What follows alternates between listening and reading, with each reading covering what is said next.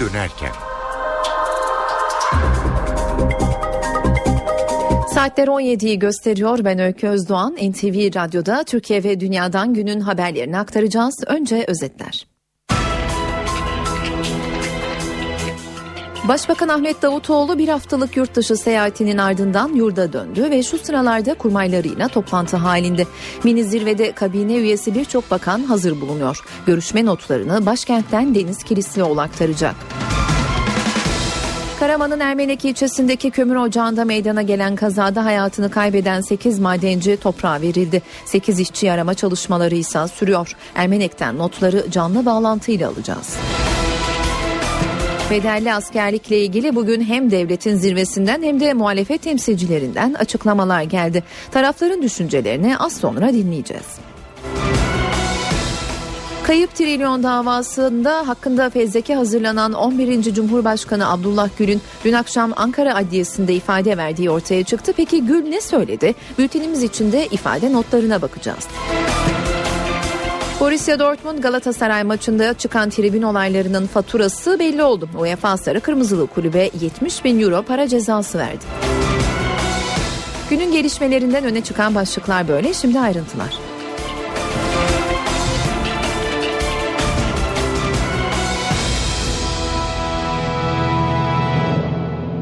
İlk durağımız başkent olacak. Başbakan Ahmet Davutoğlu kurmaylarıyla toplantı halinde. Başbakanlık konutundaki genel değerlendirme toplantısına Başbakan Yardımcıları Bülent Arınç ve Yalçın Akdoğan'la Adalet, İçişleri, Çalışma ve Kültür Bakanları da katılıyor. Toplantı notlarını NTV muhabiri Deniz Kilislioğlu'ndan alacağız. Deniz ele alınan konular neler? Başbakan Ahmet Davutoğlu bir haftadır Türkiye'de yoktu. Avustralya ve ardından Filipinlere gitmişti. Dün akşam saatlerinde döndü ve bugün de bir genel değerlendirme toplantısı yapılıyor. Zira bir hafta içerisinde Türkiye'de özellikle çözüm süreci konusunda önemli bir gelişme olmuştu. HDP ile hükümet diyaloğu yeniden başlamıştı. Gerçi dün akşam Başbakan Yardımcısı Yalçın Akdoğan havaalanında Ahmet Davutoğlu'nu karşılamıştı. Bir bilgi vermişti ama bugün genel kapsamlı bir değerlendirme yapılıyor Başbakanlıkta.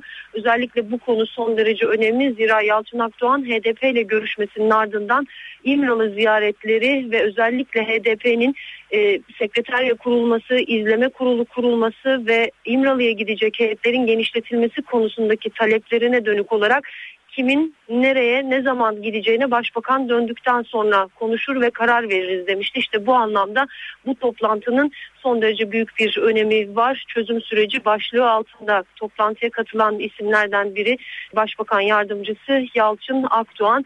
Diğer katılan isimlerde Başbakan Yardımcısı Bülent Arınç, İçişleri Adalet Bakanı katılıyor. Kültür ve e, Çalışma Bakanı da yine toplantıya katılan isimler arasında MİT ve Dışişleri Bakanlığı Müsteşarı da yine toplantıda. Çözüm süreci önemli bir nokta dedik ama diğer taraftan yarın Bağdat ziyareti var. Başbakan Ahmet Davutoğlu'nun önemli bir ziyaret 5-6 Kasım'da Irak Dışişleri Bakanı Türkiye'ye gelmişti ve yeni kurulan hükümet sonrası daha önce Maliki döneminde bozulan Ankara-Bağdat ilişkilerinin yeniden ivme kazanması için çabalar sürüyordu. Bu anlamda Davutoğlu'nun yapacağı Bağdat ziyareti son derece önemli. Sadece ikili ilişkiler açısından değil IŞİD'le mücadele konusu da önem taşıyor. Zira Caferi'nin ziyaretinde Bağdat yönetimi Türkiye'den e, vilayetlerde kurulacak ulusal muhafızlar için, e, ulusal vilayet muhafızlığı için orada görev yapacak askerlerin eğitimi ve sonrasında şehirlerde görev alacak, şehirlerin güvenliğini üstlenecek polislerin eğitimi konusunda Türkiye'den talepleri vardı. İşte bunlarla ilgili Türkiye ne gibi adımlar atabilir? Bunlar konuşuluyor. Başbakanlıktaki toplantıda yarınki ziyaret öncesinde ee, sadece ikili ilişkiler ve IŞİD'le mücadele değil tabii enerji konusu da son derece önemli. Ankara ve Erbil arasında imzalanan anlaşma geçmiş dönemde Ankara-Bağdat ilişkilerini son derece sıkıntıya sokmuştu. Onunla ilgili müzakereler Kuzey Irak ve Bağdat yönetimi arasında devam ediyor ama Bağdat'la diyalog kurma ve bu sorunu aşabilmek için Türkiye'de taraflarla konuşacak. Sadece Bağdat değil Başbakan Ahmet Davutoğlu'nun Erbil'e gideceğini de hatırlatmış olalım. Cuma günü de Erbil'de olacak. İşte o kritik ziyaret öncesi bu toplantının yapılması önemli. Tabii bir diğer trafik Davutoğlu Bağdat'tan ve Erbil'den döndükten sonra hafta sonu pazar günü Tunceli'ye gidecek. Tunceli'de Alevi açılımı ile ilgili önemli mesajlar vermesini bekliyoruz. Daha önce Hacı Bektaş'a gitmişti. Bu sefer ne söyleyecek, nasıl mesajlar verecek Alevilere bu son derece büyük önem taşıyor. Tunceli ziyareti öncesi bu toplantıda o anlamda önemli. Zira toplantıya katılan iki isim dikkat çekiyor burada. Biri e, Faruk Çelik Çalışma Bakanı, diğeri de Adalet Bakanı Bekir Bozdağ. Her iki isim de Alevi açılımında çalışmaları yürüten iki bakan. Dolayısıyla onların da bu toplantıda olması önümüzdeki günlerde yapılacak bu ziyaretle ilgili değerlendirmenin yapıldığının mesajını da bize veriyor. İşte bu üç başlık altında Bugün gelişmeler değerlendiriliyor. Ee, Başbakanlık konutta saat 13.30'da başladı toplantı ve hala da sürüyor. NTV muhabiri Deniz Kilislioğlu, Başbakan Ahmet Davutoğlu'nun kurmaylarıyla yaptığı toplantının ayrıntılarını aktardı. Başbakan Ahmet Davutoğlu'nun Cuma günü ziyaret edeceği Irak'ın Erbil kentinde bu sabah valilik önünde patlama meydana geldi. 5 kişi öldü. Şüpheliler IŞİD üzerinde yoğunlaşıyor. Kuzey Irak Bölgesel Kürt Yönetimi son bir yılın en kanlı saldırısıyla sarsıldı. Erbil'de intihar saldırısı düzenlendi. Hedefte kentin merkezindeki valilik binası vardı. Saldırgan bomba yüklü araçla valilik binasına girmeye çalıştı. Güvenlik güçlerinin ateş açması üzerine ise aracı havaya uçurdu. Ölenler ve yaralananlar oldu. İntihar saldırısı valilik binasının ana girişinin hemen önünde meydana geldi. Çok sayıda kişi öldü. Yaralananlar da var. Mezhep çatışmalarının yaşandığı Irak'ta başkent Bağdat ve diğer pek çok kentte bombalı saldırılar sıklıkla düzenleniyor. Ancak bu durum Kuzey Irak Bölgesel Kürt Yönetimi için geçerli değil. Erbil'deki son büyük saldırı bir yıl önce düzenlenmişti. Dolayısıyla kent teyakkuzda. Şüphelerse IŞİD üzerinde yoğunlaşıyor. Peşmerge'nin hem Irak hem de Suriye'de savaştığı IŞİD, Kuzey Irak'a yönelik saldırılar düzenleyeceği tehdidinde bulunuyordu. Türkiye'nin de gözü Erbil'de. Başbakan Ahmet Davutoğlu'nun Cuma günü Erbil'de bölgesel Kürt yönetimi yetkilileriyle temaslarda bulunması bekleniyor. Amerika ile Türkiye arasında IŞİD'le mücadele konusunda devam eden görüşmelerin ana temasını Suriyeli muhaliflerin eğitilip donatılması oluşturuyor. Türkiye'nin bu konudaki talepleri belli. Cumhurbaşkanı Tayyip Erdoğan görüşmelerde henüz kararlı bir adım atılmadığını söyledi ve Suriye'de sadece IŞİD'in değil Esad yönetiminin de hedefte olmasını istedi. Ankara bu kapsamda bugün önemli bir konuğu ağırlıyor. Eğit donatla ilgili olarak şu ana kadar taraflar henüz kararlı bir adım atmış değil. Sadece eğit donatı konuşursak burada da kendimizi aldatmış oluruz. Bir defa Irak ve Suriye'yi farklı bir şekilde değerlendirmek durumdayız. Cumhurbaşkanı Erdoğan Suriyeli muhaliflerin eğitimi konusunda konuştu. Amerika Birleşik Devletleri ile bir süredir yürüyen görüşmelerde net bir tablonun oluşmadığını söyledi. Bazı emareler var, ihtimaller var gibi bir süreci yaşıyoruz. Bu süreç gerçekleşmeden tabii Türkiye'nin buradaki tutumu şu anda nasılsa öyle devam edecektir. Bunların yapılmaması halinde Irak'ta da sağlıklı bir netice almak mümkün değil. Erdoğan uçuşa yasak ve güvenli bölge ilanıyla Eğit Donat programının Irak içinde uygulanması gerektiğini söyledi. Türkiye sadece IŞİD'in değil Suriye rejiminin de hedefte olmasını istiyor. Amerika Birleşik Devletleri yönetimi ise önceliğin IŞİD olmasında ısrarlı. Bu görüş ayrılıklarını gidermek için görüşmeler sürüyor. Obama'nın IŞİD özel temsilcisi emekli General John Allen Ankara'da. Allen, Dışişleri Müsteşarı Feridun Senilioğlu'nun yanı sıra askeri yetkililerle de bir araya geldi. Cuma günü ise Amerika Birleşik Devletleri Başkan Yardımcısı Joe Biden Türkiye'ye gelecek. Hem Eğit Donat hem Irak ve Suriye'ye dönük çabalar ele alınacak. Biden Cuma akşamı Başbakan Ahmet Davutoğlu ile yemekte bir araya gelecek. Cumartesi günü Atlantik Konseyi'nin enerji konferansına ve Ulusal Demokrasi Enstitüsü toplantısına katılacak. Biden cumartesi günü Cumhurbaşkanı Erdoğan'la Beylerbeyi Sarayı'nda öğle yemeğinde, pazar günü ise Fener Rum Patrikhanesi'nde Patrick Bartolomeo ile buluşacak. NTV Radyo Karaman'ın Ermenek ilçesindeki kömür ocağındaki kazada hayatını kaybeden 8 madenci toprağa verildi. Son yolculuklarına yan yana uğurlanan işçilerin kaza anında da birlikte hareket ettikleri anlaşıldı. 3 madenci birbirine sarılı halde bulundu. Ocakta 8 kişi arama çalışmaları da sürüyor. Ayrıntıları Ermenek'ten Sibel Atasoy bildirecek. Sibel seni dinliyoruz. Ermenek maden kazasında hayatını kaybeden 8 işçinin cenazeleri bugün gözyaşları ve dualarla toprağa verildi. Bahri Üzer, Hüseyin Çolak, Osman Çoksöyler, İsmail Gürses, Uğur İlhan, Mehmet Tokat, Tezcan Gökçe ve Hüsnü Çolak toprağa verilen isimlerdendi. Evet cenaze töreni Ahmet Keleşoğlu Camii'de Ermenek'te öğle namazına mütakip gerçekleşti. Ulaştırma Bakanı Lütfi Ervan, Diyanet İşleri Başkanı Mehmet Görmez de cenaze törenine katıldı. Diyanet İşleri Başkanı Mehmet Görmez cenaze namazını kıldırdıktan sonra bir konuşma yaptı.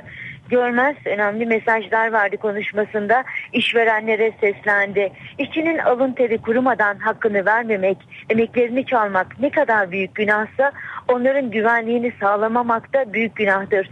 İşte hayatını kaybeden Soma'da ve Ermenek hayatını kaybeden mahallenin işçileri de bize bu mesajı vermiştir. Büyük suçtur, günahtır diye işverenlere seslendi. Evet cenaze namazının ardından 8 maden işçisinin cenazeleri köylerine doğru yola çıktı ve köylerinde toprağa verildi. Bu arada maden kazasında hayatını kaybeden 10 işçinin yanı sıra 8 işçi daha maden altında ve orada kurtarma çalışmaları da sürüyor. AFAD ekiplerinin çalışmaları 24 saat devam ediyor. 3 vardiya halinde yine maden işçileri arkadaşlarının cenazesine katıldıktan sonra maden ocağına geldiler ve arama çalışmalarına başladılar. 8 maden işçisinin arama çalışmaları 24 saat aralıksız devam ediyor. Evet şimdi hazırladığımız 8 maden işçisinin hikayesini anlatan haberi dinliyoruz. Oğlum yüzmeyi bilmezdi ya suyun içinde ne yaptı? Bu gece gene ne sabah olacak bakalım. Ayşe Gökçe'nin madende kalan oğlu için söylediği bu sözler tüm Türkiye'nin hafızasına kazındı. Uzun süre oğulları Tezcan Gökçe'den iyi haber bekleyen yaşlı çift, madendeki çalışmaları takip edemedikleri için gazetecilerden haber almaya çalıştı. Yetti mi benim oğlan şimdi? Yok daha şey belli değil. Hiçbir şey. Şu an çalışmalar devam ediyor. Madenden cenazesi çıkarılan başka bir işçi de Hüseyin Çolak'tı. Emekliliğine iki yıl kalan Çolak daha fazla maaş alabilmek için ocağın içinde çalışmaya başladı.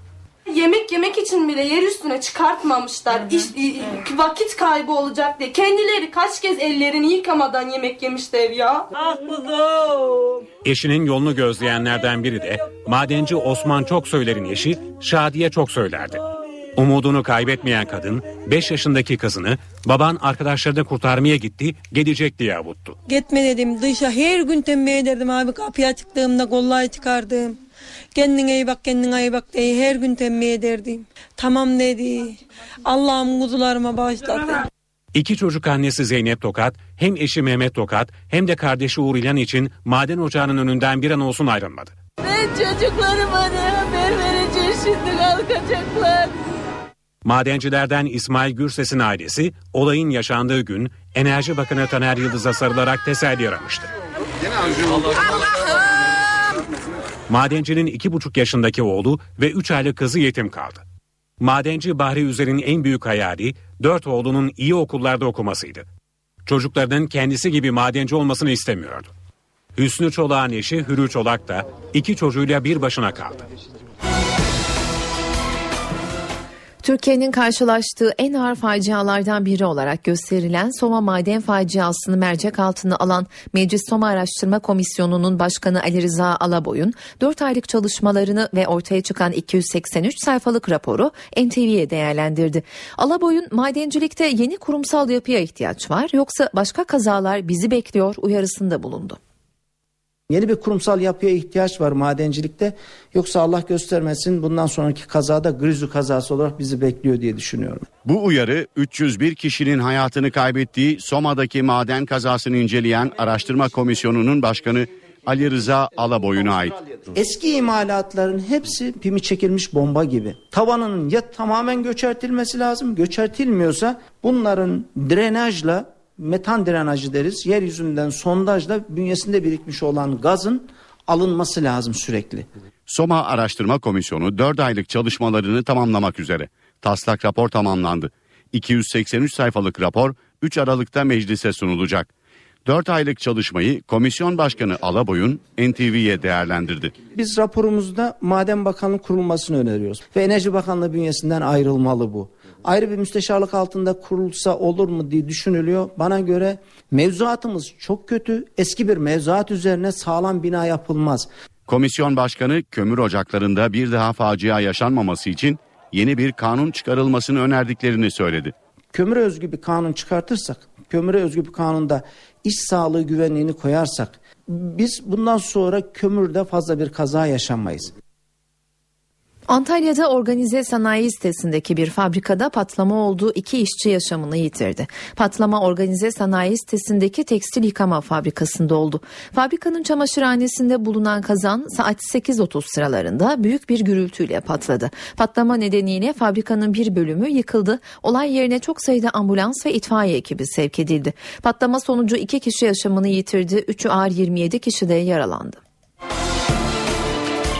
Ankara'da bir binanın cephe kaplamasını yapan işçileri taşıyan asansörün alt platformu koptu. Dört işçi beton zemine çakıldı. Biri hayatını kaybetti. Üç işçi ise ağır yaralı.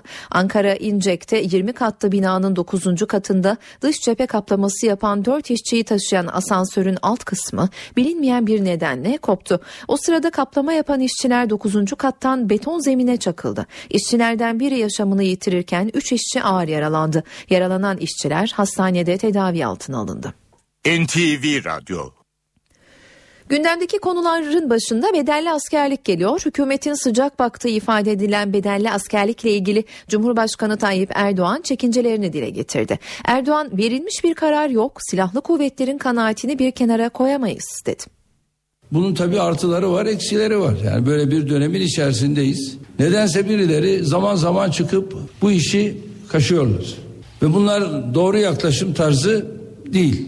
Yani burada Türk Silahlı Kuvvetleri'nin kanaatini bir kenara koymak da mümkün değil. Yani bu kanaat Türk Silahlı Kuvvetleri'nin de ihtiyacını göz ardı ederek değil, onu değerlendirmeye alarak böyle bir karar verilir ve ondan sonra da hükümet kararını uygulamaya koyar. Bu bakımdan şu anda böyle bir kararı ne hükümet vermiştir ne Türk Silahlı Kuvvetleri'nin bu konuda kesin bir kanaati açıklanmıştır ne de bana kesin olarak yansıyan bir şey söz konusu değildir. Bu konuda muhalefetten gelen açıklamayı da aktaralım. CHP sözcüsü Haluk Koç son sözü Türk Silahlı Kuvvetleri'nin söylemesi gerektiğini belirtti. E, tabii e, Türkiye'nin e, içinden geçtiği süreç sadece Türkiye içi değil, güvenlik değil. Türkiye'nin dışındaki uluslararası sorunların Türkiye'ye yüklediği yükümlülükler çerçevesinde tabii ki Türk Silahlı Kuvvetleri'nin bu konu üzerindeki görüşü önemlidir. E, bu çerçevede bizim siyaset olarak, siyasi parti olarak programımızda olan daha önce meclise verdiğimiz e, Sayın Akif Hamza Çebi tarafından e, yasa teklifleri var. E, bu konudaki görüşlerimiz aynen sürüyor. Ama e, devlet sorumluluğu bu tasarıda konu edilen kurumun görüşünün de önemli olduğunu ortaya koyuyor. E, bu çerçevede e, ortada bir şekil, şablon olmadığı için bir fikir yürütmem mümkün değil. Ama e, suret dururken asıl bir yargıya varmış. Cumhuriyet Halk Partisi'nin görüşü kendi programındaki görüşle e, sabit olarak duruyor. MHP'de ise bedelli askerlik konusunda Ankara Milletvekili Özcan Yeniçeri konuştu. E, tabii TSK'nın ortaya koyacağı tavırla belirlenecektir. TSK da burada başat faktördür. Siyasette tartışılan bir diğer konu da çözüm süreci. Cumhurbaşkanı Tayyip Erdoğan Cezayir ziyareti öncesi havalimanında yaptığı konuşmada silahsızlanma konusunun önemine dikkat çekti. Gelişmeler sözde değil özde olmalı dedi. Özellikle de bu 6-7 Ekim olaylarından sonra mevcut gelişmeler sözde değil özde olmalı. Temennim odur ki burada silahsızlanma konusunda atılacak adımlar ülkemizin huzuru için, ülkemizde vatandaşlarımızın çözüm sürecinden beklentilerine cevap konusunda önemli bir adım olacaktır. Tabii bunu beklemek halkımızın hakkı olduğu kadar bizim de idealimizdir. Şu anda bu konuda atılacak adımları hassasiyetle takip ediyoruz. Beklentimiz inşallah çözüm süreci bu istikamette devam etsin. Muhalefet ise sürece tepkili. CHP süreçte izlenilen yöntem üzerinden hükümete yüklendi. Parti sözcüsü Haluk Koç'u dinliyoruz. Türkiye Büyük Millet Meclisi'nde tartışılmalıdır bu tezi söylüyoruz. gizli kapaklı pazarlık yaptığınız zaman pazarlık masasından bir şey çıkmaz. Kürt kardeşlerimiz bu masaya mahkum değiller. Bu masada ne PKK'nın esiridirler ne o masayı devlet adına kurduran kişinin kendi yakın dönem siyasi hırslarının, beklentilerinin, ihtiraslarının hedefinde olmalılar. MHP Ankara Milletvekili Özcan Yeniçeri süreci sert sözlerle eleştirdi. Sekreterya ise bir çeşit yeni kurulacak e, devletin e, bakanlar kuruludur. El altından e, adım adım bir Kürt devleti olgunlaştırılıyor. HDP'li Altansa çözüm sürecinin yeni aşamasında İmralı heyetinin genişlemesi gerektiğini söyledi. Heyet tabii ki genişlemeli. Çözümün taraflarının ne söylediklerinin net olarak anlaşılabilmesi için bu şeffaflığın olması lazım. HDP'li Altan Tan'ı dinledik.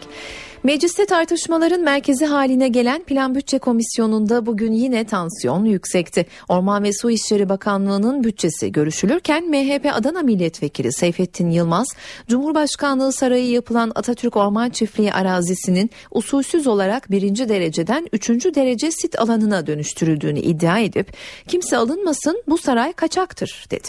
Yılmaz Veysel Eroğlu'nun bakanlık döneminin ormancılık açısından kara dönem olarak tarihe geçeceğini savundu. CHP Mersin Milletvekili Vahap Seçer de İstanbul'daki 3. Boğaz Köprüsü için 345 hektar meşe ağacı kesildiğini ifade etti. HDP Şırnak Milletvekili Hasip Kaplan ise Hasankeyf'in Ilısu Barajı'nın suları altında kalacağını dile getirerek doğanın ve tarihi zenginliklerin tahrip edildiğini söyledi. 11. Cumhurbaşkanı Abdullah Gül kayıp trilyon davasında dün akşam ifade verdi. Savcının odasında 15 dakika kalan Gül, olay tarihinde Refah Partisi'nin dış ilişkilerden sorumlu genel başkan yardımcısıydım. Parasal konularda yetki ve sorumluluğum yoktu dedi. 11. Cumhurbaşkanı Abdullah Gül Ankara Adliyesi'ne gitti. Kayıp trilyon davası kapsamında ifade verdi. Abdullah Gül salı akşamı 18.30'da Ankara Adliyesi'ndeydi. Başsavcı vekili Gül'e önce hakkında hazırlanan fezleke ile ilgili bilgi verdi. Bu iddialara ne diyorsunuz? Buna karşı cevaplarınız ne olacak diye sordu. Abdullah Gül de olay tarihinde kapatılan Refah Partisi'nin dış ilişkilerden sorumlu genel başkan yardımcısıydı. Parasal hiçbir konuda hak, yetki ve sorumluluğum yoktur dedi. İfade işlemi yaklaşık 15 dakika sürdü. Ama bir saat içeride kaldı. Adliyenin protokol kapısından girdi ve çıktı. Abdullah Gül'ün avukatı Ömer Küçük Özcan, bundan sonraki süreçle ilgili iddia olunan olayla ilgili hiçbir bilgisi, ilgisi ve dahli olmayan müvekkilim hakkında kovuşturmaya yer olmadığına dair karar verilmesini beklemek en doğal hakkımızdır ifadelerini kullandı. Kamuoyunda kayıp trilyon davası olarak bilinen yasal süreç 1998 yılında başladı. Anayasa Mahkemesi Refah Partisi hakkında kapatma kararı verirken partiye yapılan 1 trilyonluk hazine yardımının da iade edilmesine hükmetti. Ancak Refah Partisi teşkilatlara dağıtıldığını gerekçe göstererek parayı iade etmedi. Bunun üzerine kayıp trilyon davası başladı.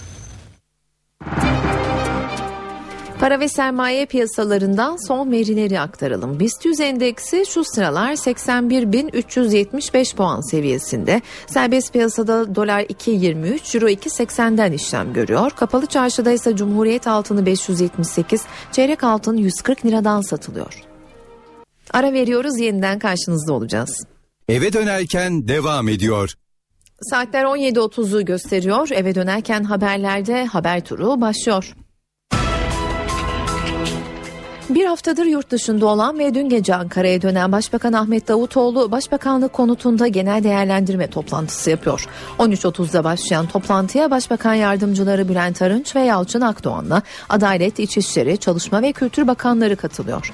Toplantıda Başbakanın yarın yapacağı Irak ziyareti ve çözüm sürecinde gelinen aşama değerlendiriliyor. Cumhurbaşkanı Tayyip Erdoğan bedelli askerlik konusunda verilen bir karar olmadığını söyledi. Erdoğan bedelli askerliğin sürekli gündeme gelmesinden rahatsızlığını da ifade etti. Askerin görüşü alınmadan adım atılmayacağını belirtti. Karaman'ın Ermenek ilçesindeki kömür ocağında meydana gelen kazada hayatını kaybeden 8 madenci bugün toprağa verildi.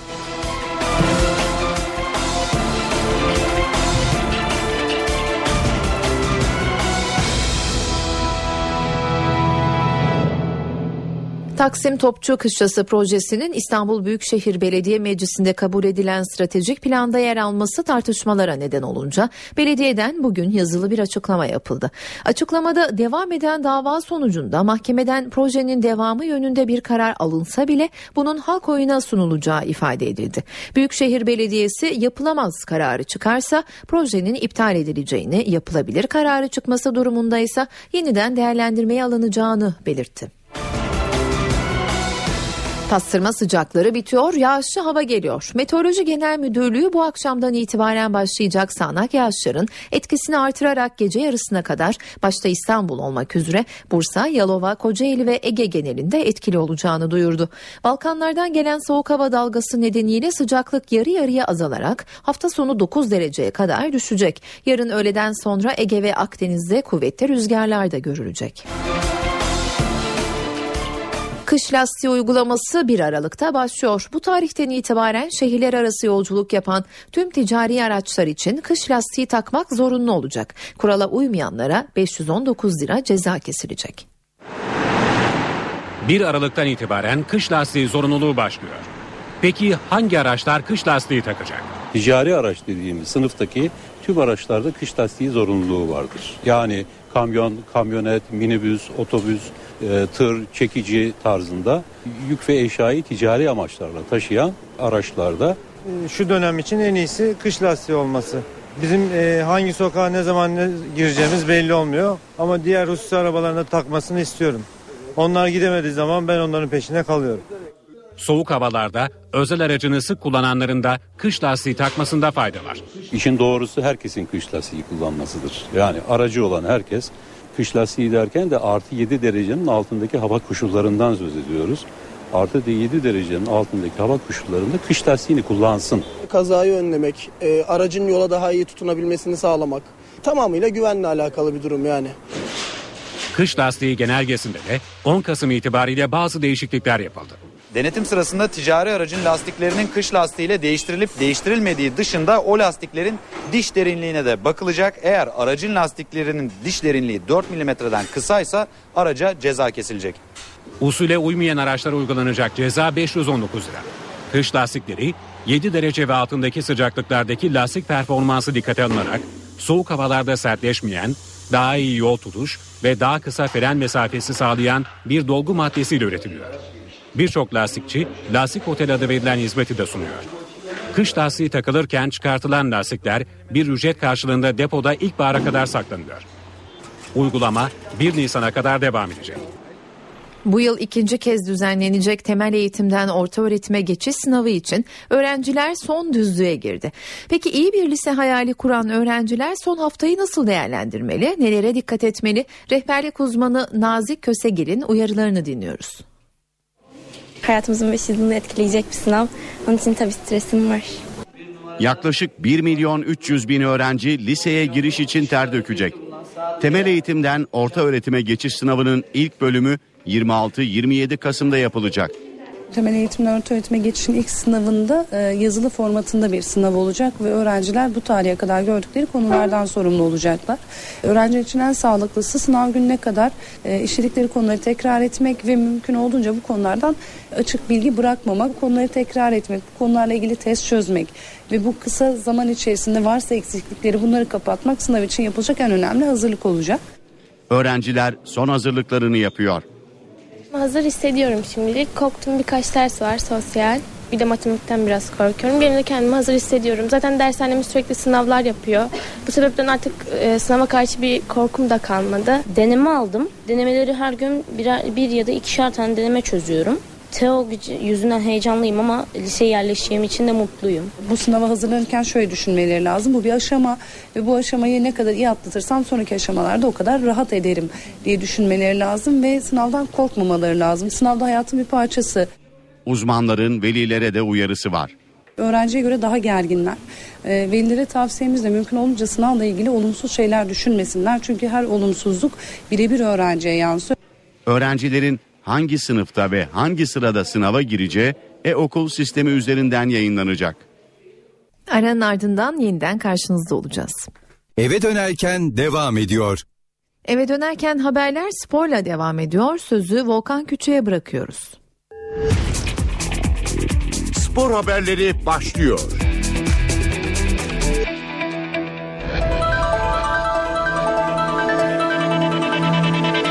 Borussia Dortmund Galatasaray maçında çıkan tribün olaylarının faturası belli oldu. UEFA sarı kırmızılı kulübe 70 bin euro para cezası verdi. Galatasaray'ın deplasmanda Dortmund'a 4-1 yenildiği maç tribünlerde çıkan olaylar ve sahaya atılan meşale ve patlayıcılar nedeniyle iki kez durmuştu. Galatasaray kulübüne tribün olayları, taraftarların sahaya girmesi, sahaya meşale, patlayıcılar ve ses bombası atılması suçlamalarıyla soruşturma açılmıştı.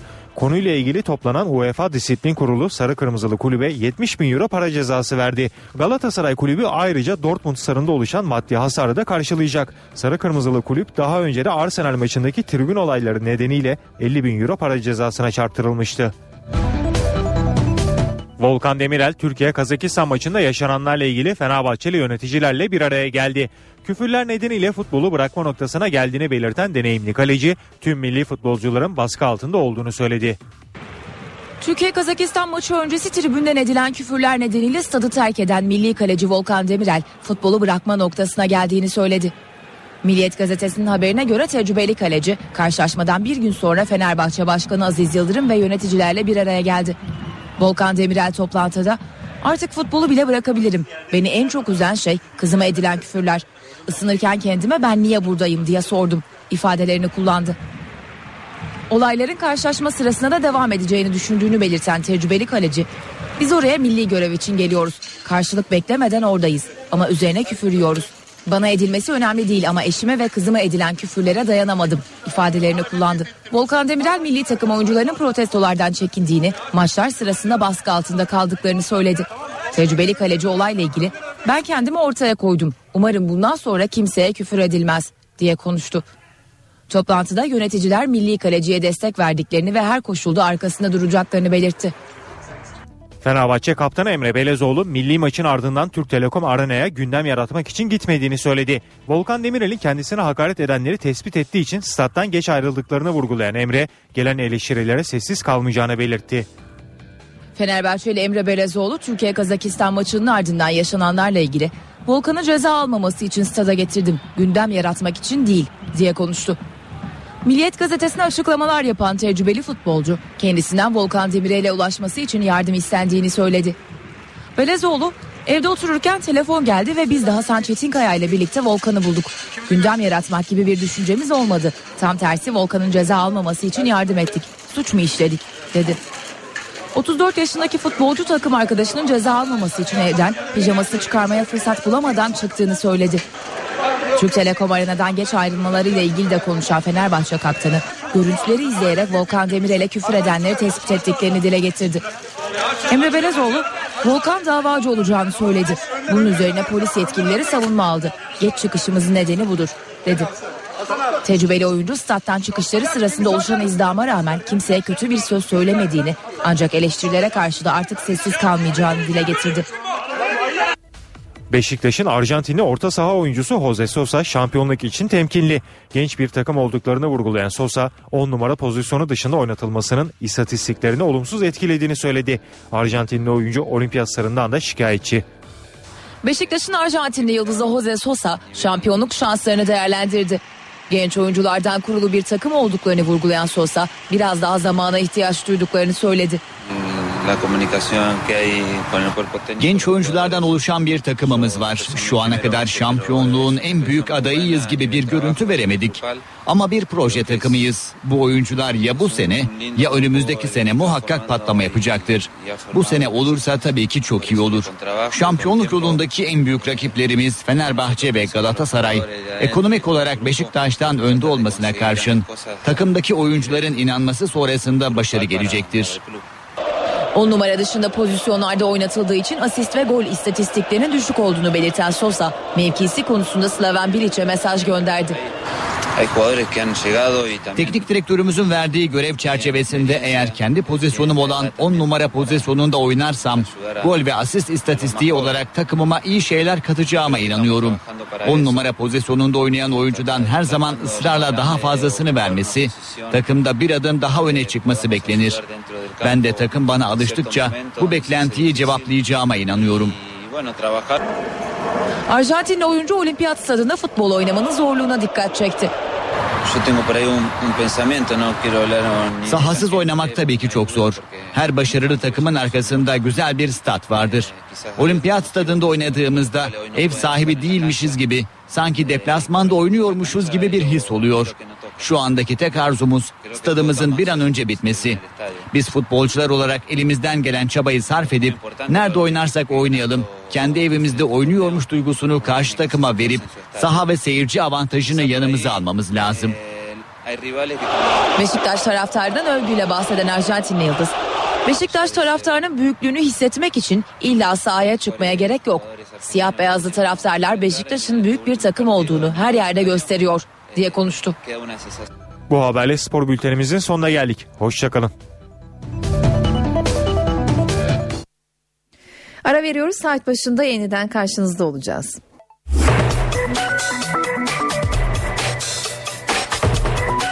Burası NTV Radyo.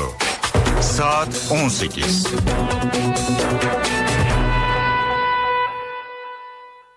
Saat 18 ben Öykü Özdoğan eve dönerken haberlerde Türkiye ve dünyadan günün öne çıkan haberlerini aktarıyoruz.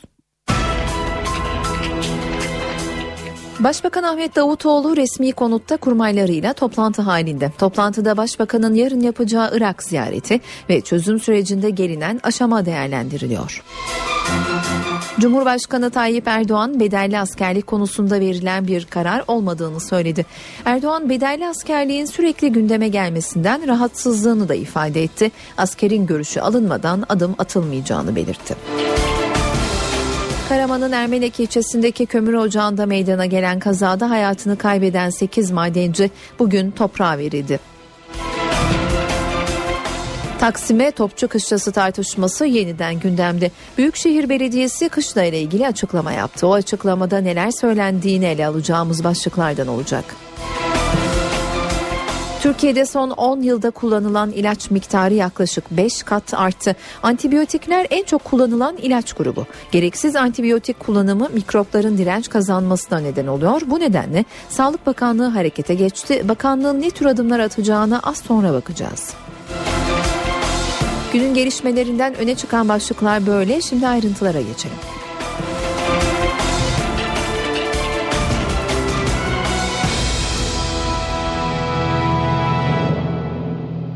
Başbakan Ahmet Davutoğlu resmi konutta kurmaylarıyla toplantı halinde. Saat 13.30'da başlayan toplantıya Başbakan Yardımcıları Bülent Arınç ve Yalçın Akdoğan'la Adalet İçişleri, Çalışma ve Kültür Bakanları katılıyor.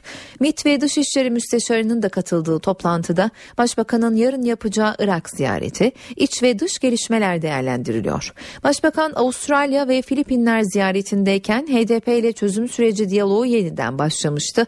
HDP'nin İmralı heyetinin genişletilmesi yönetilmesi, izleme kurulunun oluşturulması talepleri için Başbakan Yardımcısı Akdoğan kim nereye ne zaman gidecek Davutoğlu döndükten sonra karar verilecek demişti. Değerlendirme toplantısında bu konuların da ele alınması bekleniyor.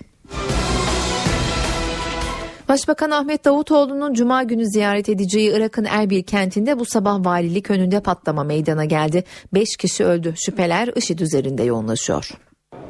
Kuzey Irak Bölgesel Kürt Yönetimi son bir yılın en kanlı saldırısıyla sarsıldı. Erbil'de intihar saldırısı düzenlendi. Hedefte kentin merkezindeki valilik binası vardı. Saldırgan bomba yüklü araçla valilik binasına girmeye çalıştı. Güvenlik güçlerinin ateş açması üzerine ise aracı havaya uçurdu. Ölenler ve yaralananlar oldu. İntihar saldırısı valilik binasının ana girişinin hemen önünde meydana geldi. Çok sayıda kişi öldü. Yaralananlar da var. Mezhep çatışmalarının yaşandığı Irak'ta başkent Bağdat ve diğer pek çok kentte bombalı saldırılar sıklıkla düzenleniyor. Ancak bu durum Kuzey Irak Bölgesel Kürt Yönetimi için geçerli değil. Erbil'deki son büyük saldırı bir yıl önce düzenlenmişti. Dolayısıyla kent teyakkuzda. Şüphelerse IŞİD üzerinde yoğunlaşıyor. Peşmerge'nin hem Irak hem de Suriye'de savaştığı IŞİD, Kuzey Irak'a yönelik saldırılar düzenleyeceği tehdidinde bulunuyordu. Türkiye'nin de gözü Erbil'de. Başbakan Ahmet Davutoğlu'nun Cuma günü Erbil'de bölgesel Kürt yönetimi yetkilileriyle temaslarda bulunması bekleniyor. Amerikan Başkanı Barack Obama'nın IŞİD'le mücadele özel temsilcisi John Allen Ankara'da. Masada Türkiye'nin güvenli bölge talebi ve eğit donat konusu var. Ayrıntıları NTV muhabiri Özden Erkuş'tan alacağız. Özden seni dinliyoruz. IŞİD'le mücadeleye Türkiye'nin vereceği katkı konusunda en somut adım belki de Suriyeli muhaliflerin eğitimi konusunda atılmıştı. Ancak bu konuda bile henüz tam bir mutabakat sağlanmış değil Amerika Birleşik Devletleri ile. İşte buna ilişkin müzakereleri yürütmek üzere önemli bir isim bugün Ankara'daydı. John Allen öğle saatlerinde geldi Ankara'ya ve Dışişleri Bakanlığı'nda tam 5 saat boyunca bakanlık müsteşarı Feridun Sinirlioğlu'yla bir görüşme gerçekleştirdi. Ardından da Ankara'dan ayrıldı. Aslında Türkiye'nin beklentilerine ilişkin çerçeve sabah saatlerinde Cumhurbaşkanı Erdoğan tarafından çizilmişti. Erdoğan Amerika ile bir süredir yürütülen görüşmelerde eğit donat konusunda net bir tablonun oluşmadığını söyledi. Uçuşa yasak bölge ve güvenli bölgenin gerekliliğinin altını çizdi Cumhurbaşkanı Erdoğan ve sadece IŞİD değil değil Esad rejiminin de hedefte olması gerektiğini belirtti. İşte bu kapsamda 5 saat süren görüşmede Türkiye bu beklentilerini bir kez daha Amerika Birleşik Devletleri'ne iletti. Elon Sinirlioğlu görüşmesi sürerken bakanlık sözcüsü Tanju Bilgiç, Bilgiç de bir basın toplantısı düzenledi. Özellikle eğit donat konusundaki sorular yöneltildi Bilgiç'e. Uçuşa yasak bölge ve güvenli bölge eğit donat için Türkiye'nin şartı mı sorusu yöneltildi. İlginç uçuşa yasak bölge güvenli bölge eğit donat biri diğerinin şartı demek doğru olmaz. Müzakereler devam ediyor ama genel bir strateji belirlenmesi lazım yanıtını verdi. İşte yoğun bir diplomasi trafiği bu şekildeydi bugün Ankara'da ama Cuma günü bu kez İstanbul'a çevrilecek gözler. Çünkü Amerika'dan yine önemli bir ziyaretçi gelecek Cuma günü. ABD Başkan Yardımcısı Joe Biden Türkiye'de olacak. Hem eğit donat hem de Irak ve Suriye'ye dönük çabalar ele alınacak Biden'ın İstanbul'da gerçekleştireceği temaslarda. Bu kapsamda Biden hem Cumhurbaşkanı Erdoğan hem de Başbakan Davutoğlu ile bir araya gelecek ve bu görüşmede de ana gündem yine IŞİD'le mücadele ve bu mücadele için kurulan koalisyona Türkiye'nin nasıl katkı vereceği olacak. NTV muhabiri Özden Erkuş, Obama'nın IŞİD'le mücadele özel temsilcisi John Allen'ın Ankara'daki görüşmelerin ayrıntılarını ve diplomasi trafiğini aktardı. NTV Radyo Gündemdeki konuların başında bedelli askerlik geliyor. Hükümetin sıcak baktığı ifade edilen bedelli askerlikle ilgili Cumhurbaşkanı Tayyip Erdoğan çekincelerini dile getirdi. Erdoğan verilmiş bir karar yok silahlı kuvvetlerin kanaatini bir kenara koyamayız dedi. Bunun tabii artıları var, eksileri var. Yani böyle bir dönemin içerisindeyiz. Nedense birileri zaman zaman çıkıp bu işi kaşıyorlar. Ve bunlar doğru yaklaşım tarzı değil. Yani burada Türk Silahlı Kuvvetleri'nin kanaatini bir kenara koymak da mümkün değil. Yani bu kanaat Türk Silahlı Kuvvetleri'nin de ihtiyacını göz ardı ederek değil, onu değerlendirmeye alarak böyle bir karar verilir ve ondan sonra da hükümet kararını uygulamaya koyar. Bu bakımdan şu anda böyle bir kararı ne hükümet vermiştir ne Türk Silahlı Kuvvetleri'nin bu konuda kesin bir kanaati açıklanmıştır ne de bana kesin olarak yansıyan bir şey söz konusu değildir. Bu konuda muhalefetten gelen açıklamayı da aktaralım. CHP sözcüsü Haluk Koç son sözü Türk Silahlı Kuvvetleri'nin söylemesi gerektiğini belirtti. E, tabii e, Türkiye'nin e, içinden geçtiği süreç sadece Türkiye içi değil, güvenlik değil. Türkiye'nin dışındaki uluslararası sorunların Türkiye'ye yüklediği yükümlülükler çerçevesinde tabii ki Türk Silahlı Kuvvetleri'nin bu konu üzerindeki görüşü önemlidir. E, bu çerçevede bizim siyaset olarak, siyasi parti olarak programımızda olan daha önce meclise verdiğimiz e, Sayın Akif Hamza Çebi tarafından e, yasa teklifleri var. E, bu konudaki görüşlerimiz aynen sürüyor. Ama e, devlet sorumluluğu bu tasarıda konu edilen kurumun görüşünün de önemli olduğunu ortaya koyuyor. E, bu çerçevede e, ortada bir şekil, şablon olmadığı için bir fikir yürütmem mümkün değil. Ama e, suret dururken asıl bir yargıya varmış. Cumhuriyet Halk Partisi'nin görüşü kendi programındaki görüşle e, sabit olarak duruyor. MHP'de ise bedelli askerlik konusunda Ankara Milletvekili Özcan Yeniçeri konuştu. E tabi TSK'nın ortaya koyacağı tavırla belirlenecektir. TSK da burada başat faktördür. Siyasette tartışılan bir diğer konuda çözüm süreci. Cumhurbaşkanı Tayyip Erdoğan Cezayir ziyareti öncesi havalimanında yaptığı konuşmada silahsızlanma konusunun önemine dikkat çekti. Gelişmeler sözde değil özde olmalı dedi. özellikle de bu 6-7 Ekim olaylarından sonra mevcut gelişmeler sözde değil özde olmalı. Temennim odur ki burada silahsızlanma konusunda atılacak adımlar ülkemizin huzuru için ülkemizde vatandaşlarımızın çözüm sürecinden beklentilerine cevap konusunda önemli bir adım olacaktır. Tabii bunu beklemek halkımızın hakkı olduğu kadar bizim de idealimizdir. Şu anda bu konuda atılacak adımları hassasiyetle takip ediyoruz. Beklentimiz inşallah çözüm süreci bu istikamette devam etsin. Muhalefet ise sürece tepkili. CHP süreçte izlenilen yöntem üzerinden hükümete yüklendi. Parti sözcüsü Haluk Koç'u dinliyoruz. Türkiye Büyük Millet Meclisi'nde tartışılmalıdır. Bu tezi söylüyoruz.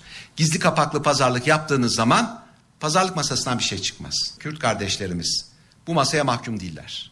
Bu masada ne PKK'nın esiridirler ne o masayı devlet adına kurduran kişinin kendi yakın dönem siyasi hırslarının, beklentilerinin, ihtiraslarının hedefinde olmalılar.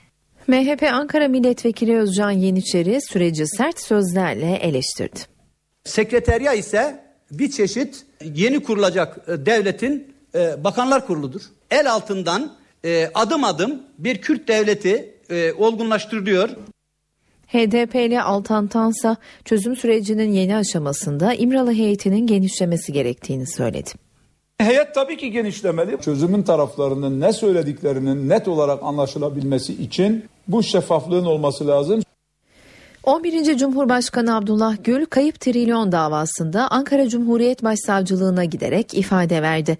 Daha önce Cumhurbaşkanlığı dönemi bittikten sonra bu konuda savcılığa ifade vereceğini belirten Gül, görevi sona erdikten sonra avukatı vasıtasıyla savcılığa başvurarak ifade için gün tayin edilmesini istedi. Dün başkente giderek başsavcıya ifade veren Gül'ün bu adımı basına duyurulmadı. Savcı Gül'e önce hakkında hazırlanan fezleke ile ilgili bilgi verdi. Bu iddialara ne diyorsunuz? Buna karşı cevaplarınız ne olacak diye sordu. Abdullah Gül de olay yerinde kapatılan Refah Partisi'nin dış ilişkilerinden sorumlu genel başkan yardımcısıydım. Parasal hiçbir konuda yetki ve sorumluluğum yoktur dedi. 1998 yılında Anayasa Mahkemesi Refah Partisi hakkında verdiği kapatma kararının ardından yöneticilerden ellerindeki hazine yardımını devlete iade etmelerini istemiş. Ancak Refah Partisi paranın örgütlere gönderilerek harcandığını ileri sürmüş ve hazineye iade etmemişti. NTV Radyo Karaman'ın Ermenek ilçesindeki kömür ocağındaki kazada hayatını kaybeden 8 madenci toprağa verildi. Son yolculuklarına yan yana uğurlanan işçilerin kaza anında da birlikte hareket ettikleri anlaşıldı. 3 madenci birbirine sarılı halde bulundu. Madende omuz omuza çalıştılar. Son yolculuklarına da yan yana uğurlandılar. Kömür ocağından cenazesi çıkarılan 8 işçinin kimlikleri belirlendi. Psikologlar eşliğinde haberi alan aileler cenazelerini almak için hastaneye akın etti. Çoğu ayakta durmakta zorlanıyordu. 8 cenaze Keleşoğlu Camii'nde yan yana dizildi. İşçiler madende bulunduklarında da yan yanaydılar. AFAD ekipleri işçilerden üçünü birbirine sarılmış halde buldu. İki işçinin de yüzleri birbirine dönüktü.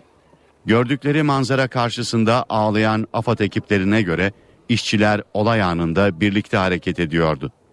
10 bin kişinin katıldığı törende Diyanet İşleri Başkanı Profesör Mehmet Görmez 8 işçinin cenaze namazını tek tek kıldırdı. Allahu Ekber. İşçinin alın teri kurumadan hakkını vermemek ne kadar büyük bir günah ise iş güvenliğini sağlamadan onların hayatını tehlikeye atmak o kadar büyük bir günahtır.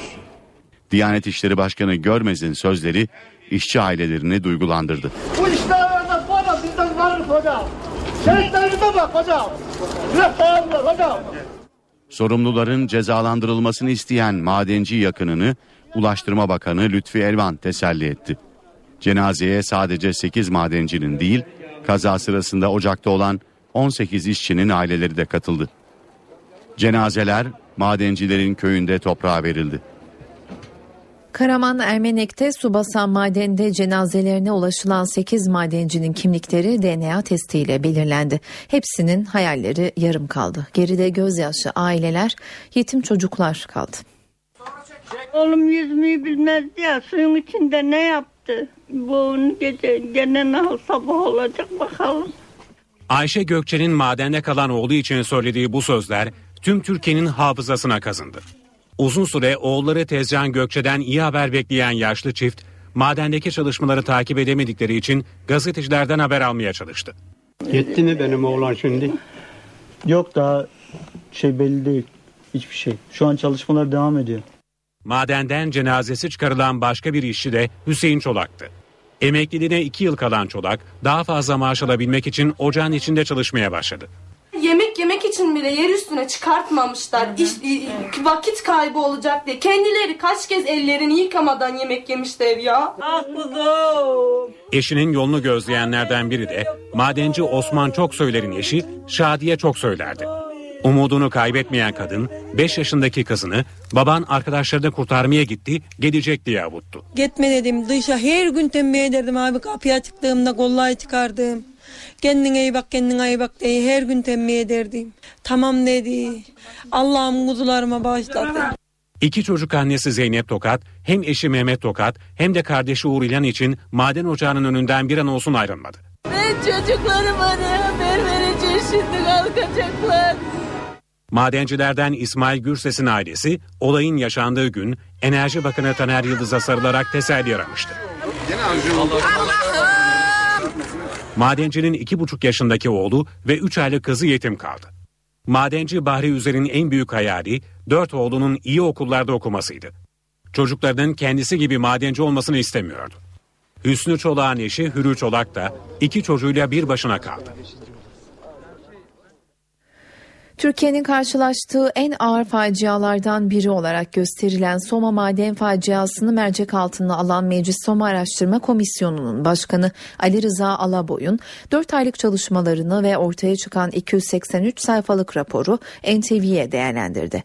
Alaboy'un madencilikte yeni kurumsal yapıya ihtiyaç var yoksa başka kazalar bizi bekliyor uyarısında bulundu. Yeni bir kurumsal yapıya ihtiyaç var madencilikte. Yoksa Allah göstermesin bundan sonraki kazada Grizu kazası olarak bizi bekliyor diye düşünüyorum. Bu uyarı 301 kişinin hayatını kaybettiği Soma'daki maden kazasını inceleyen araştırma komisyonunun başkanı Ali Rıza Alaboy'una ait. Eski imalatların hepsi pimi çekilmiş bomba gibi. Tavanının ya tamamen göçertilmesi lazım. Göçertilmiyorsa bunların drenajla metan drenajı deriz. Yeryüzünden sondajla bünyesinde birikmiş olan gazın alınması lazım sürekli. Soma Araştırma Komisyonu 4 aylık çalışmalarını tamamlamak üzere. Taslak rapor tamamlandı. 283 sayfalık rapor 3 Aralık'ta meclise sunulacak. 4 aylık çalışmayı Komisyon Başkanı Alaboy'un NTV'ye değerlendirdi. Biz raporumuzda Maden Bakanlığı kurulmasını öneriyoruz. Ve Enerji Bakanlığı bünyesinden ayrılmalı bu. Ayrı bir müsteşarlık altında kurulsa olur mu diye düşünülüyor. Bana göre mevzuatımız çok kötü. Eski bir mevzuat üzerine sağlam bina yapılmaz. Komisyon Başkanı kömür ocaklarında bir daha facia yaşanmaması için yeni bir kanun çıkarılmasını önerdiklerini söyledi. Kömüre özgü bir kanun çıkartırsak, kömüre özgü bir kanunda iş sağlığı güvenliğini koyarsak biz bundan sonra kömürde fazla bir kaza yaşamayız. Antalya'da organize sanayi sitesindeki bir fabrikada sabah saatlerinde patlama oldu. Çamaşırhanedeki kazanın patlaması sonucu iki işçi yaşamını yitirdi. Buhar kazanı patladı, iki kadın işçi yaşamını yitirdi. Patlama Antalya sanayi sitesindeki tekstil yıkama fabrikasında meydana geldi. Mesai başladıktan yarım saat sonra çamaşırhanedeki buhar kazanı gürültüyle patladı. Ee, büyük bir patlama oldu. Bütün evet. demirler havalardan uçtu. Hı hı. Uçan demirler bizim bu tank vardı arka tarafta. Tankı deldi. Patlama sırasında kazanın yakınında bulunan Nurten Uyar ve Mediha Göksel olay yerinde yaşamını yitirdi. Babası ve iki çocuğuyla birlikte yaşayan Nurten Uyar iki yıldır fabrikada çalışıyordu. Patlamada yaralanan 27 kişiden 5'inin durumu ağır. Olay sırasında bina dışında bulunan işçilerse faciadan kıl payı kurtuldu. Yok ben şu, buradaydım Mehmet. Binanın girişindeydim ben. Fabrikada büyük hasara neden olan patlamanın buhar kazanının aşırı ısınması sonucu oluştuğu belirlendi. Bizim ön düşüncemiz e, ilgili kazanın işletme esnasında su seviyesinin düştüğü. Dolayısıyla e, susuz kalmasından sonra e, yapılması gereken e, kazanın soğutularak işletmeden çekilmesi yerine e, kazana muhtemelen su verilerek kazanın e, aşırı ısınması ve daha sonra da patlama gerçekleştiği yönünde. Patlamanın olduğu fabrikada Ocak ayında yapılan denetimlerde kazan kapağıyla su seviyesini belirleyen sesli ikaz sisteminin bulunmadığı belirlendi. Soruşturmada geçen zaman içinde bu eksiklerin giderilip giderilmediği araştırılıyor. Ankara'da bir binanın cephe kaplamasını yapan işçileri taşıyan asansörün alt platformu koptu. Dört işçi beton zemine çakıldı. Biri hayatını kaybetti, üç işçi ise ağır yaralı. Ankara İncek'te 30 katlı binanın 9. katında dış cephe kaplaması yapan dört işçiyi taşıyan asansörün alt kısmı bilinmeyen bir nedenle koptu. O sırada kaplama yapan işçiler 9. kattan beton zemine çakıldı. İşçilerden biri yaşamını yitirirken üç işçi ağır yaralandı. Yaralanan işçiler hastanede tedavi altına alındı. Para ve sermaye piyasalarının günü nasıl tamamladığına bakalım. BIST 100 endeksi 81.462 puandan kapandı. Serbest piyasada dolar 2.24, euro 2.80'den işlem gördü. Kapalı çarşıda ise Cumhuriyet altını 578, çeyrek altın 140 liradan satıldı. Aranın ardından devam edeceğiz. Eve dönerken devam ediyor. Saat 18.28 ben Öykü Özdoğan eve dönerken haberlerde haber turu var sırada. 11. Cumhurbaşkanı Abdullah Gül kayıp trilyon davasında ifade verdi. Gül savcıya olay tarihinde kapatılan Refah Partisi'nin dış ilişkilerden sorumlu genel başkan yardımcısıydım. Parasal konularda yetki ve sorumluluğum yoktu dedi. İstanbul Cumhuriyet Başsavcılığı komşu villanın havuzunda boğulmuş halde bulunan 3,5 yaşındaki küçük Pamir'in annesi Süverce Dikdik hakkında taksirle ölüme sebebiyet verme suçundan düzenlenen iddianameyi iade etti. Başsavcılık iade kararına gerekçe olarak tek şüpheli olan annenin oğlunun ölümünde nasıl bir kusurunun bulunduğunun ayrıntılandırılmamasını gösterdi. Başbakan Ahmet Davutoğlu'nun cuma günü ziyaret edeceği Irak'ın Erbil kentinde valilik önünde patlama meydana geldi. 5 kişi öldü. Çok sayıda kişi yaralandı. Yaralananlardan biri Türk. Dışişleri Bakanlığı yaralının kimliğini açıklamadı ama durumunun iyi olduğunu bildirdi.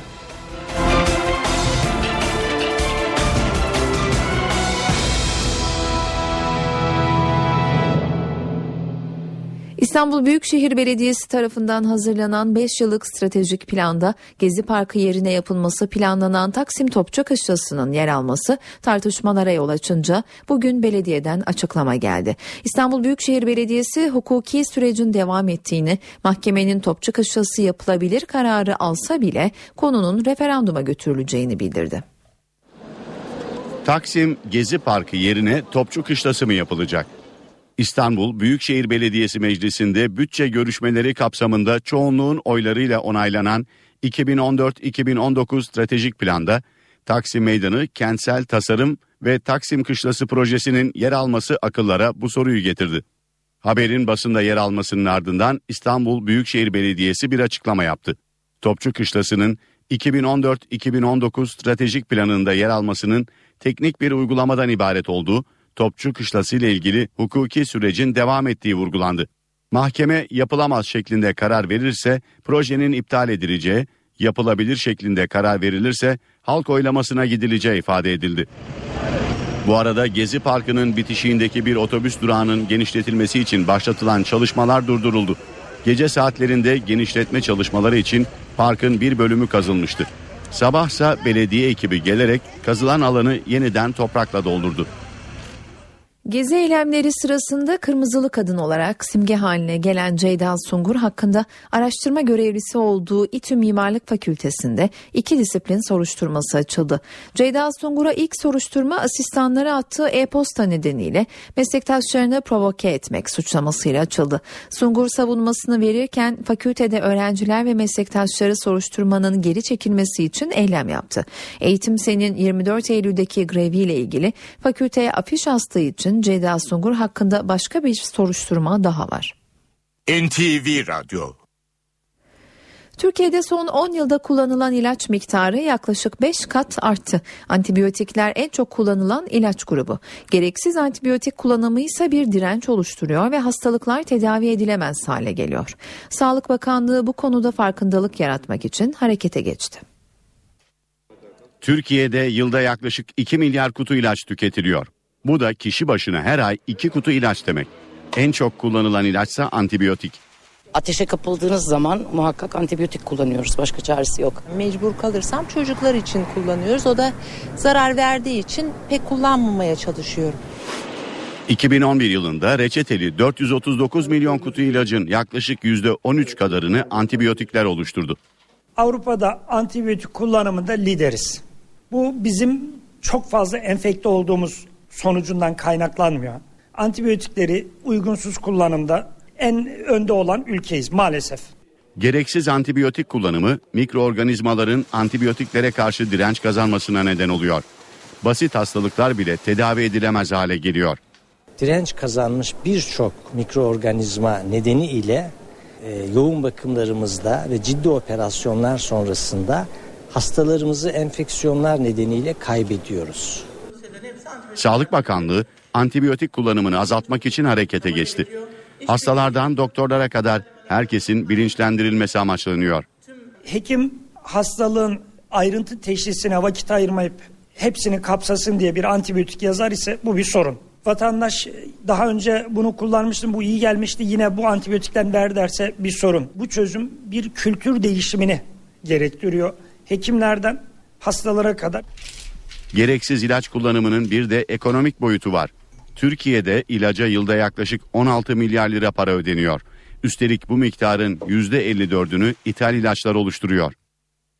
Acil servislerdeki yoğunluk sorunu aile hekimliği nöbetiyle çözülecek. Sağlık Bakanı Mehmet Müezzinoğlu NTV yayınında konuştu.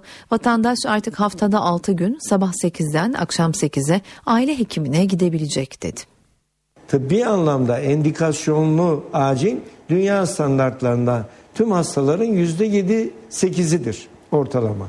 Bizde şimdi acile müracaatlar %30'lara çıktı. Bu neyi gösteriyor? Bizim acillere gelen bu %30'luk kitlenin %70'i gerçek acil değil. Hem katılım payı ödemiyorum hem sıra beklemiyorum. Ben orayı zorlayarım diyerek bir de orada kavgalar, gerilimler büyüyor. Şiddet de buradan kaynaklanıyor. Evet. Onlarla ilgili düzenlemeleri de perdeypey yapacağız. Aile hekimlerimiz sabah 8 ile e, gündüz 4 arası ve haftanın 5 günü. Halbuki sağlık sorunu böyle bir alan değil. Ayda 8 saat nöbeti e, asgari bazda mecburi kıldık. Haftanın 6 günü 12 saat. Yani sabah 8 akşam 8 bizim vatandaşımız aile hekimini veya aile hekimi grubundan nöbetçi aile hekimini karşısında görebilecek. Aile hekimi sayımızı 30 binlere çıktığımızda buna pazar günlerinde ilave edeceğiz. Her vatandaşımız şunu bilmeli. Ben aile hekimimi bulabiliyorum. İstanbul'da akülü araç kullanan engelli vatandaşlar bundan böyle araçlarını sokakta şarj edebilecek. İspark tarafından kentin belli noktalarına elektrikli şarj üniteleri yerleştirilecek. İlk olarak Kadıköy'de başlayacak olan şarj uygulaması İstanbul'un farklı noktalarında da hizmet verecek. Engelli vatandaşlar araçlarını şarj cihazına bağladıktan sonra ünitede yer alan ekranla internete girebilecek, gazete okuyabilecek ve televizyon seyredebilecek. Uygulama ücretsiz olacak. Doğuş Holding'den Garanti Bankası'nın %14,89'luk payının satışı konusunda açıklama geldi. Kamuoyu aydınlatma platformuna yapılan açıklamada İspanyol ortak BBVA ile temasın sürdüğü ve görüşmelerin henüz sonlanmadığı belirtildi. Garanti Bankası'nın diğer ortağı BBVA bugün yaptığı açıklamada pay için ileri aşamada görüşmeler yürüttüğünü belirtmişti. NTV Radyo Kudüs'te 5 kişinin ölümüyle sonuçlanan sinagog saldırısının ardından gerilim yüksek. İsrail Başbakanı Netanyahu saldırıyı düzenleyen iki Filistinlinin evlerinin yıkılması talimatını verdi. Orta Doğu'da tansiyon yüksek. Kudüs'teki sinagog saldırısının ardından İsrail güvenlik güçleri alarma geçti. İsrail, Filistinlileri bu tür bireysel saldırılar düzenlemekten caydırmak için ailelerini de cezalandırıyor. Bu çerçevede geçen ay Kudüs'te bir tren istasyonuna otomobiliyle dalan ve iki kişinin ölümüne neden olan bir Filistinlinin evi yerle bir edildi. Dört aile yıkılan binayı boşaltmak zorunda kaldı. Filistinli Abdülrahman Erşaludi'nin ailesi bir anda kendilerini sokakta buldu. Torunumla gurur duyuyorum. Evimizi yıktılar ama üzgün değilim. Bu bizim için, tüm Müslümanlar için onur kaynağı. Başım öne eğilmedi. Aksine gurur duydum. İsrail Başbakanı Benjamin Netanyahu, 5 kişinin ölümüyle sonuçlanan Kudüs'teki sinagog saldırısını düzenleyen iki Filistinlinin evlerinin yıkılması için de talimat verdi. Ancak yıkıma giden İsrail ekipleri Filistinlerin direnişiyle karşılaştı. İsrail güvenlik güçleriyle Filistinler arasında çatışma çıktı. Yıkım bu nedenle şimdilik gerçekleştirilemedi. Kudüs'te son dönemde tırmanan gerilimi aşırı sağcı Yahudilerin Mescid-i Aksa'da ibadet için kampanya başlatmaları tetiklemişti. Ara veriyoruz yeniden karşınızda olacağız. Eve dönerken devam ediyor. Saat 18.42 ben Öykü Özdoğan eve dönerken haberlerde günün öne çıkan gelişmelerini aktarmayı sürdürüyoruz. Çin karşıtı gösterilerin yaklaşık iki aydır sürdüğü Hong Kong'da tansiyon yeniden yükseldi. Göstericiler parlamento binasına girmeye çalıştı, arbede yaşandı. Hong Kong'da demokrasi yanlısı gösteriler ikinci ayını doldurmaya yaklaşırken gerilim tırmandı. Çin yönetimine taleplerini bir türlü kabul ettiremeyen bazı göstericiler Hong Kong parlamento binasını hedef aldı. Öfkeli göstericiler taş ve polis barikatlarıyla yan kapıyı kırdı. Bazılarının parlamento binasına girdiği söyleniyor. Göstericilere polisin müdahalesi gecikmedi. Polis biber gazı ve copla kalabalığı dağıtmaya çalıştı. Göstericilerse protestonun simgesi haline gelen şemsiyelerini açarak karşılık verdi. Arbede yaşandı. Protesto liderleri göstericilerin bu davranışını onaylamadığını bildirdi. Göstericiler Hong Kong'da 2017'de yapılacak seçimlerde yarışacak adayların Pekin tarafından belirlenmesine karşı çıkıyor.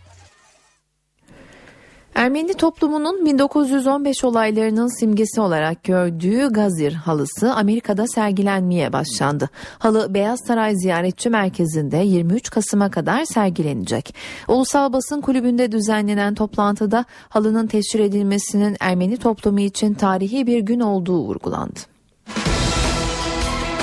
Amerika Birleşik Devletleri son 38 yılın en soğuk günlerini geçiriyor. New York'ta kar fırtınasında 4 kişi öldü.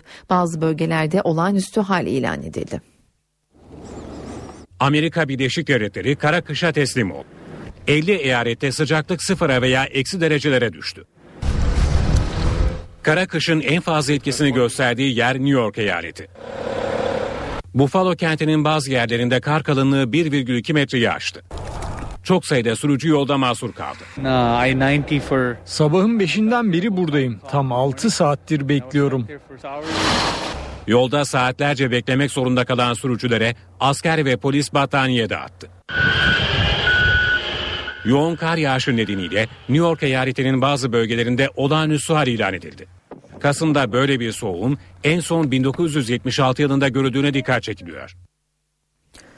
Fransa'da düzenlenecek 2016 Avrupa Futbol Şampiyonası'nın maskotu belli oldu. Maskot dün akşam Fransa-İsveç dostluk maçı başlamadan tanıtıldı. Fransa bayrağının renklerini taşıyan maskotun ismi henüz netleşmiş değil.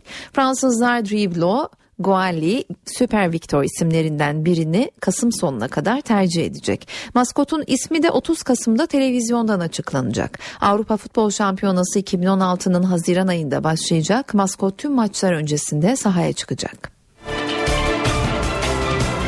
Sırada günün kültür sanat etkinliklerinden önerilerimiz var. Belmore Hea dinlenebilir bu akşam İstanbul'da. Jazz, folk ve klasik müzikten ilham alan minimalist şarkıların yaratıcısı Teksaslı enstrümantal deneysel müzik grubu saat 20.45'te başlıyor konserine. Performans mekanı Salon YKSV.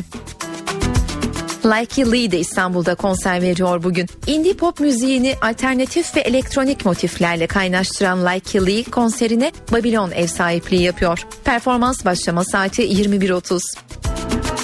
Özge Fışkın da sevenleriyle bir araya geliyor bugün. Fışkın sevilen şarkılarını seslendireceği konserine saat 24'te başlıyor. Performans mekanı Beyoğlu Hayal Kahvesi. Tiyatro severler için de bir önerimiz olacak. Ali Poyrazoğlu'nun yeni tiyatro oyunu Babam Dokuz Doğurdu sahneye konuyor bu akşam. Pozitif enerjiyle yaşamın tatsızlıklarına ve sıkıntılarına meydan okuyan dört kişilik mutlu bir ailenin öyküsünü anlatıyor oyun. Babam Dokuz Doğurdu'nun Yunus Emre Kültür Merkezi'nde sahnelendiğini ekleyelim. Oyun saat 20.30'da açıyor perdelerini. Bu akşam evdeyseniz CNBC'de saat 22'de The White Queen, ardından da saat 23'te The Last Ship ekrana gelecek. Star TV'de ise saat 20.30'da yerli dizi Güzel Köylü izlenebilir. Ara veriyoruz, yeniden karşınızda olacağız. Eve dönerken devam ediyor. Saat 19 ben Öykü Özdoğan eve dönerken haberlerde haber özetlerini aktarıyoruz. Cumhurbaşkanı Recep Tayyip Erdoğan bedelli askerlik konusunda verilen bir karar olmadığını söyledi. Erdoğan bedelli askerliğin sürekli gündeme gelmesinden rahatsızlığını da ifade etti. Askerin görüşü alınmadan adım atılmayacağını belirtti. Muhalefet de bu konuda Türk Silahlı Kuvvetleri'nin tavrının önemli olduğuna dikkat çekti. Karaman'ın Ermenek ilçesindeki kömür ocağında meydana gelen kazada hayatını kaybeden 8 madenci bugün toprağa verildi. 11. Cumhurbaşkanı Abdullah Gül kayıp trilyon davasında ifade verdi. Gül savcıya olay tarihinde kapatılan Refah Partisi'nin dış ilişkilerden sorumlu genel başkan yardımcısıydım. Parasal konularda yetki ve sorumluluğum yoktu dedi. Ankara'da bir binanın cephe kaplamasını yapan işçileri taşıyan asansörün alt platformunun kopmasıyla 4 işçi beton zemine çakıldı. Biri hayatını kaybetti, 3 işçi ağır yaralandı. İstanbul Başakşehir'de ise bir inşaatta altyapı çalışmaları sırasında meydana gelen göçükte bir işçi hayatını kaybetti. Taksim'e topçu kışlası tartışması yeniden gündemde. Büyükşehir Belediyesi kışla ile ilgili açıklama yaptı. Belediye devam eden dava sonucunda mahkemeden projenin devamı yönünde bir karar çıksa bile bunun halk oyuna sunulacağını ifade etti. İstanbul Cumhuriyet Başsavcılığı komşu villanın havuzunda boğulmuş halde bulunan 3,5 yaşındaki küçük Pamir'in annesi Süverce Diktik hakkında taksirle ölüme sebebiyet verme suçundan düzenlenen iddianameye iade etti. Başsavcılık iade kararına gerekçe olarak tek şüpheli olan annenin oğlunun ölümünde nasıl bir kusurunun bulunduğunun ayrıntılandırılamamasını gösterdi. Mardin Artuklu Üniversitesi'ndeki ihale yolsuzluğu operasyonunda gözaltına alınan 84 kişiden 33'ü serbest bırakıldı. Aralarında üst düzey yönetici, akademisyen, öğretim görevlisi, firma sahipleri ve müteahhitlerin de olduğu 51 kişinin emniyetteki işlemleri sürüyor. Acil servislerde yoğunluk sorunu aile hekimliği nöbetiyle çözülecek. Sağlık Bakanı Mehmet Müezzinoğlu NTV yayınında konuştu. Aile hekimlerine haftanın 6 günü sabah 8 ile akşam 8 arasında gidilebilecek. Aile hekimlerinin sayısı artınca bu mesaiye pazar günleri de eklenecek. Başbakan Ahmet Davutoğlu'nun Cuma günü ziyaret edeceği Irak'ın Erbil kentinde valilik önünde patlama meydana geldi. 5 kişi öldü. Çok sayıda kişi yaralandı. Yaralananlardan biri Türk. Dışişleri Bakanlığı yaralının kimliğini açıklamadı ama durumunun iyi olduğunu bildirdi. Fatih Sultan Mehmet Köprüsü'nde Anadolu yakasından Avrupa yakasına geçişler Çavuşbaşı'ndan itibaren yoğun, Boğaziçi Köprüsü'nde Acıbadem'den itibaren sıkışık. Aksi istikamette ise Fatih Sultan Mehmet Köprüsü'nün yoğunluğu Hastal'dan başlıyor, Kavacık'a kadar sürüyor. Ardından da sıkışıklık Küçük Bakkalköy'e kadar devam ediyor. Boğaziçi Köprüsü'nün yoğunluğu ise Avrupa yakasında Çağlayan'dan başlıyor ve Altunizade'ye kadar sürüyor. Avrupa yakasında Hastal Mahmut Bey istikametinde de trafiğin oldukça yoğun olduğunu ekleyelim ve iyi yolculuklar dileyelim. Eve dönerken haberlerin sonuna geldik. Ben Öykü Özdoğan, editör Sevan Kazancı, teknik masada İsmet Tokdemir. İyi akşamlar diliyoruz. NTV Radyo'nun yayını kısa bir aradan sonra Cem Dizdar ve Gürcan Bilgic'in hazırlayıp sunduğu Çift Forvet programıyla devam edecek.